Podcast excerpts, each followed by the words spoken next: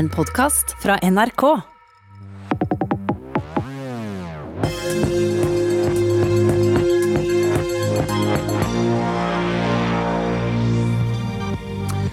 Det er ikke akkurat noen rød bølge på vår supermåling.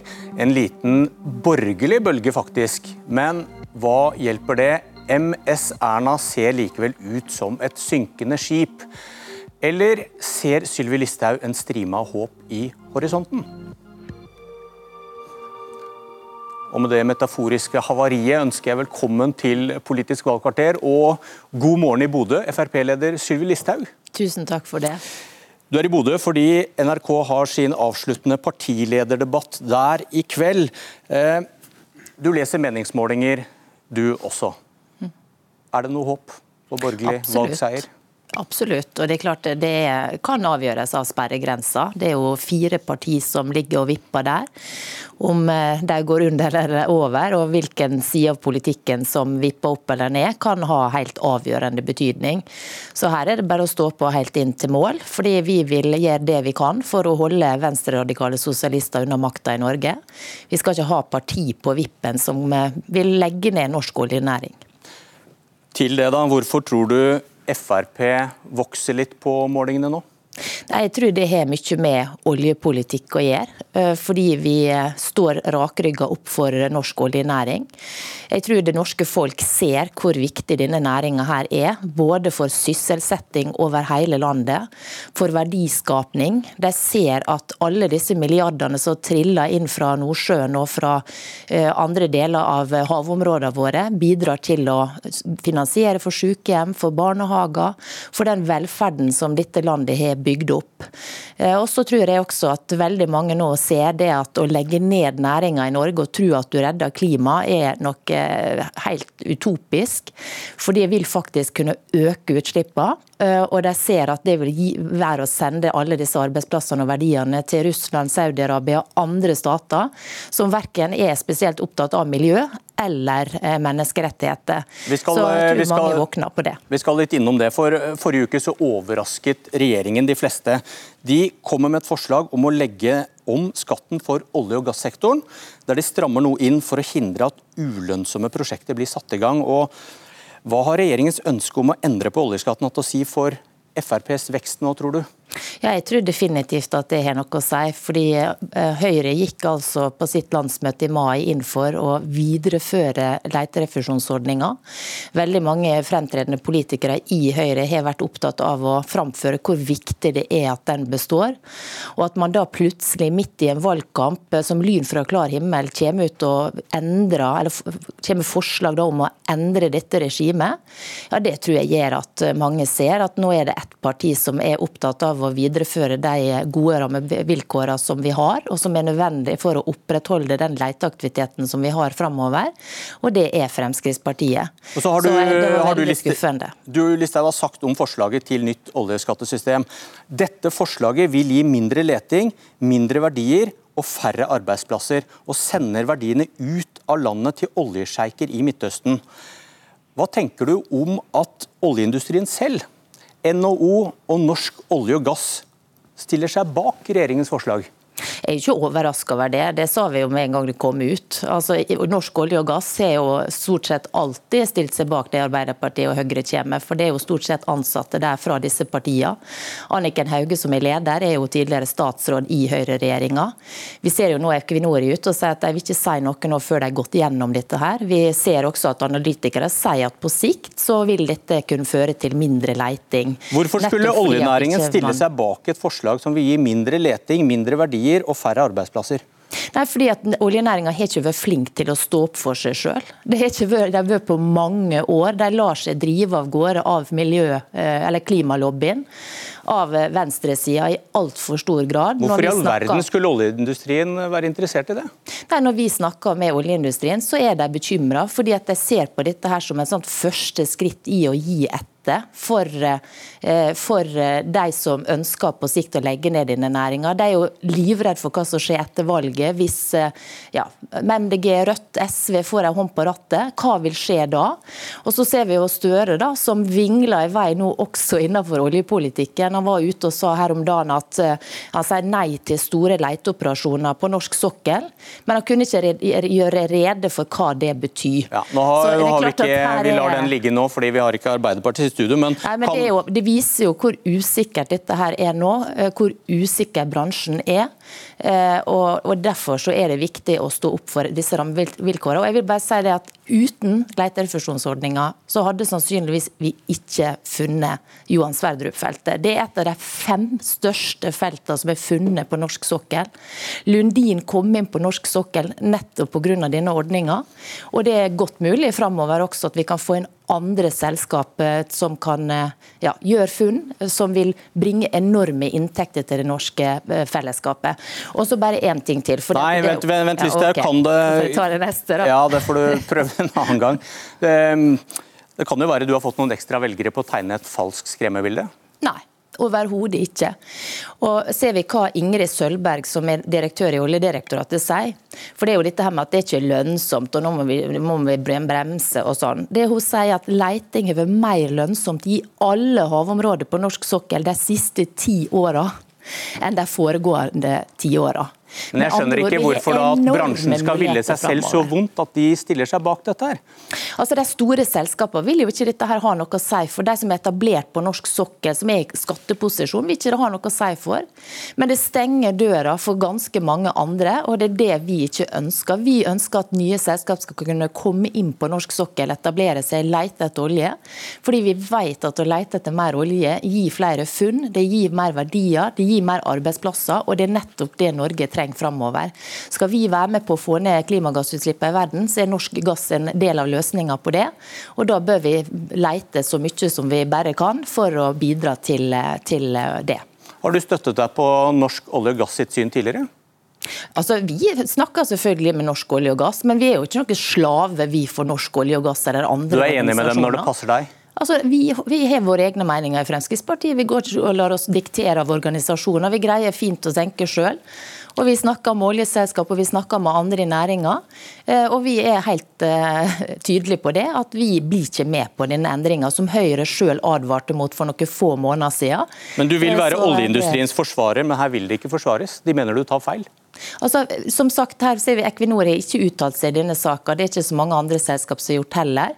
Men du kan ikke da det store... inntekt for deg selv at de ikke har uttalt seg? At nei, de venter? De, store som er i skatteposisjon, er ikke dette her noe stort problem for. Men det er jo for andre selskap som ikke er det, at dette er en utfordring. Eh, og det vil bidra til at andre da ikke får muligheten til å komme inn på, på norsk sokkel, muligens. Så, du, så, det er det som vi er opptatt av. Så har du konkludert. Du, med dette forslaget kan jeg si med en gang at regjeringen ikke vil overleve denne budsjetthøsten om de skal gjøre det opp med oss. Ehm, for Hvis dere da klarer det utrolig og det blir borgerlig flertall, garanterer Frp at et borgerlig flertall gir en borgerlig regjering? Ja, altså, vi har vært veldig tydelige på at vi ønsker ikke sosialister til makta i Norge. Vi går til valg på at vi skal ha tilbake en Høyre-Frp-regjering. Jeg tror veldig mange faktisk syns det var en god regjering. Og vi ser at Høyre er jo bør utrolig bleik i selskap med disse to andre. Men du husker du hva jeg spurte om? Eh, fikk, fikk du med deg spørsmålet? Ja, ja, jeg fikk med meg spørsmål, og jeg svarer på det nå. At vi går til valg på en Høyre- og Frp-regjering. Det er velgerne som skal si, avsi dommen 13.9. Men når vi ser at Høyre er med på å hente IS-terrorister til Norge, de okay. er med på å legge fram endringer i oljeskatten, de er med på mange ting som vi ser at Venstre og KrF driver dem til, da mener jeg at Høyre trenger Fremskrittspartiet, eh, fordi de er så mye bedre sammen med oss. Ja. Så det vil Men, være en eh, veldig god regjering for landet. Lytt nøye til spørsmålet garanterer Frp at et borgerlig flertall skal gi en borgerlig regjering? Ja, Vi er veldig tydelige på det. Vi ønsker ikke en sosialistisk regjering. Vi ønsker et uh, ikke-sosialistisk flertall. Uh, og Det håper jeg at velgerne skal gi oss 13. Ok, En garanti. Hva gjør du da hvis Erna Solberg og hennes regjering hun sier jeg kaster ikke Venstre og KrF ut av regjeringen hvis de banker på din dør og vil ha støtte til et statsbudsjett. Hva må du gjøre da, hvis du har garantert en borgerlig regjering? Altså, nå skal velgerne få av seg sin dom, og vi er helt tydelige på at eh, valgresultatet, når det foreligger, hvis det danner grunnlag for at Fremskrittspartiet og Høyre kan sette seg ned og eh, forhandle, så mener jeg at vi kommer til å ta initiativ til det.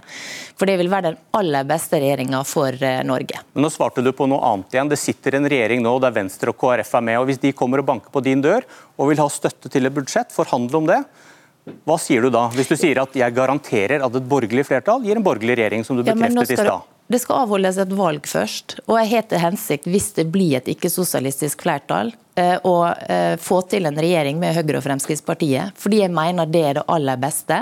Høyre vil ikke, vi, Høyre vil ikke det, Listhaug? Ja, men nå skal velgerne få si sitt, eh, og så skal vi se på det. Men jeg, Høyre mener jeg hadde hatt veldig godt av å hatt Fremskrittspartiet ved sin side. Vi så i 2013-2017 at det gikk faktisk bra. Vi gjorde begge partier gode valg, ble gjenvalgt. Og så ser vi det at når de samarbeider med Venstre og KrF, så syns i hvert fall ikke jeg at jeg kjenner igjen Høyre øker skatter og avgiftene innenfor klima, eh, skal ha diesel- og bensinpriser opp i 4-25 kroner. Altså, Høyre okay. er ikke til å kjenne igjen, og de trenger Fremskrittspartiet, sånn at de kommer tilbake i et eh, bedre spor. Men avslutningsvis, Listhaug, skal vi være enig i at du faktisk ga en garanti i stad?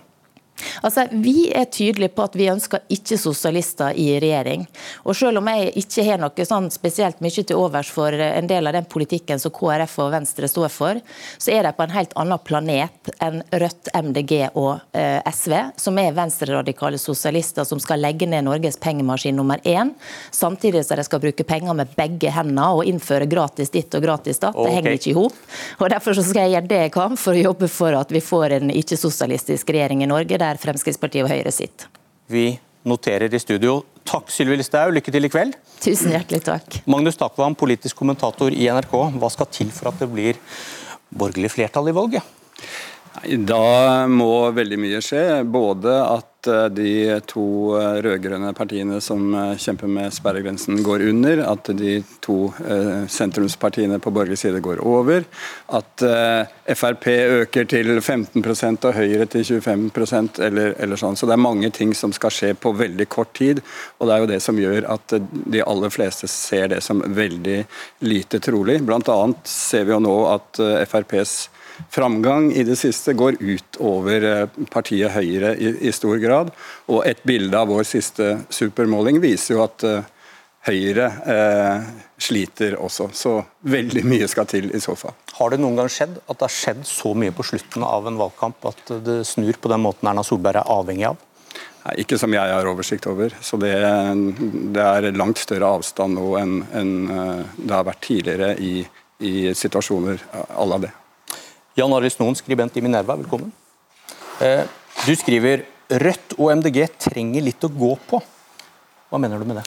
Det er fordi de, alle de siste valgene, faktisk alle de siste seks valgene har gjort dårligere på, i valg enn det har gjort på de siste meningsmålingene. De overvurderes også systematisk, i hvert fall så langt. Og da, Hvis det skjer i år, så ligger de tynt an, særlig MDG. Rødt har litt bedre margin. Eh, og de har gått litt opp på slutten, mens MDG er på vei nedover. og Nå var de på 4,8. Forrige gang så gjorde de det 1,1 prosentpoeng dårligere enn eh, målingene, og da er de under.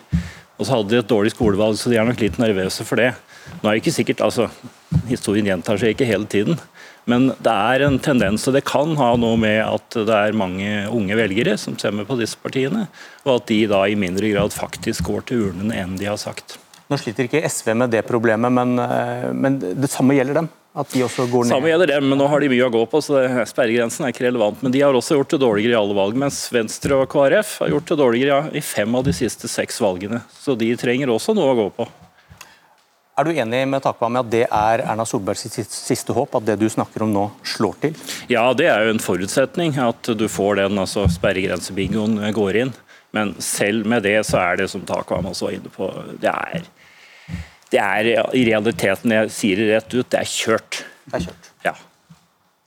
Lykke til på partilederdebatten i kveld. Eh, hvilke partier pleier å gjøre det bedre da, på, på valgdagen enn de, det ser ut på morgenen? Ja, Det er ett parti som alltid gjør det bedre, og det er Arbeiderpartiet. Um, og det, Vi tilskriver ofte det at Arbeiderpartiet har et godt valgkampapparat. De har hatt det tradisjonelt, og det er nok fremdeles sånn.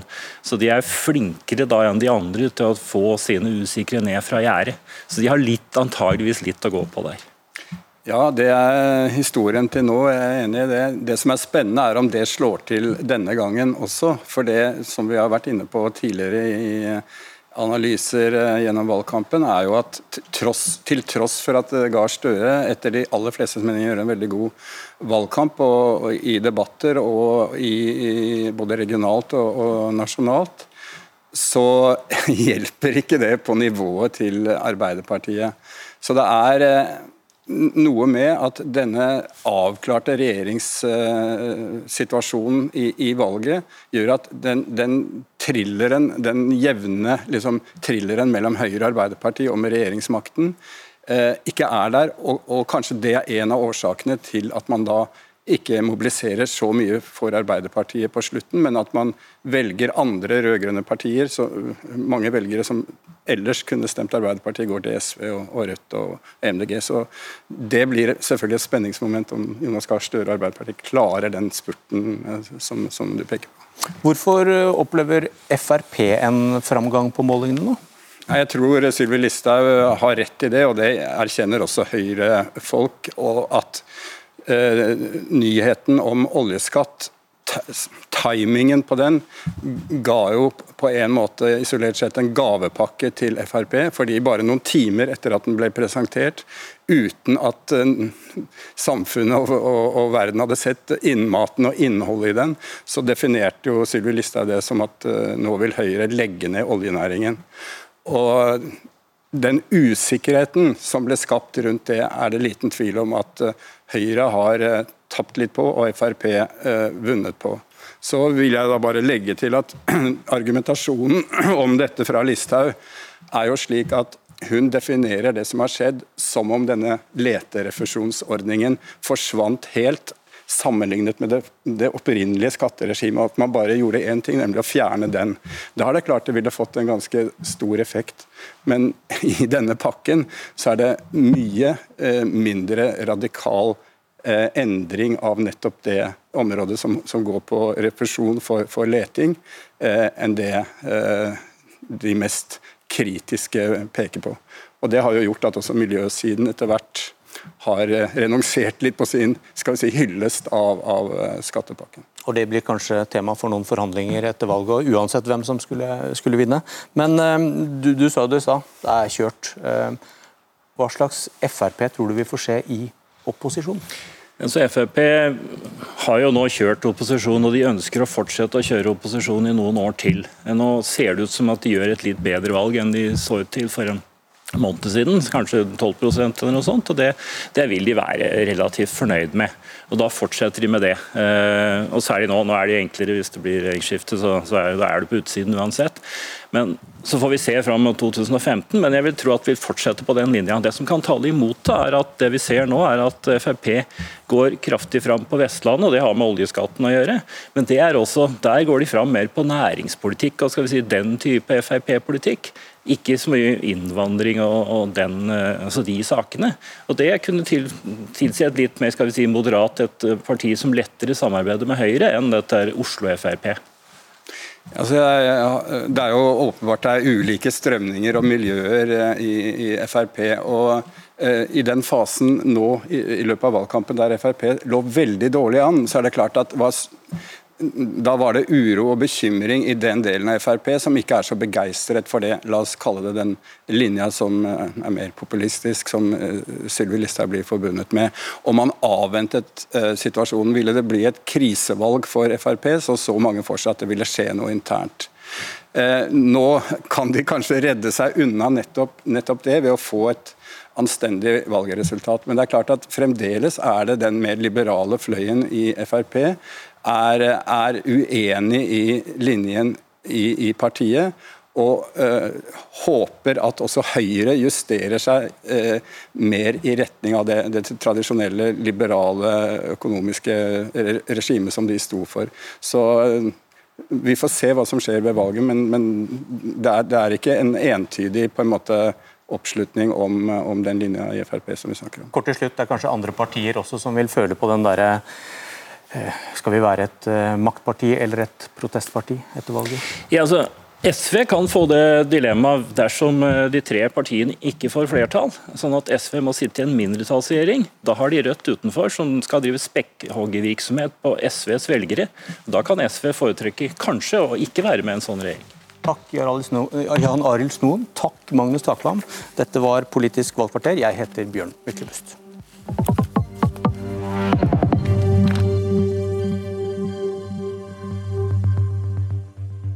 Du har hørt en podkast fra NRK.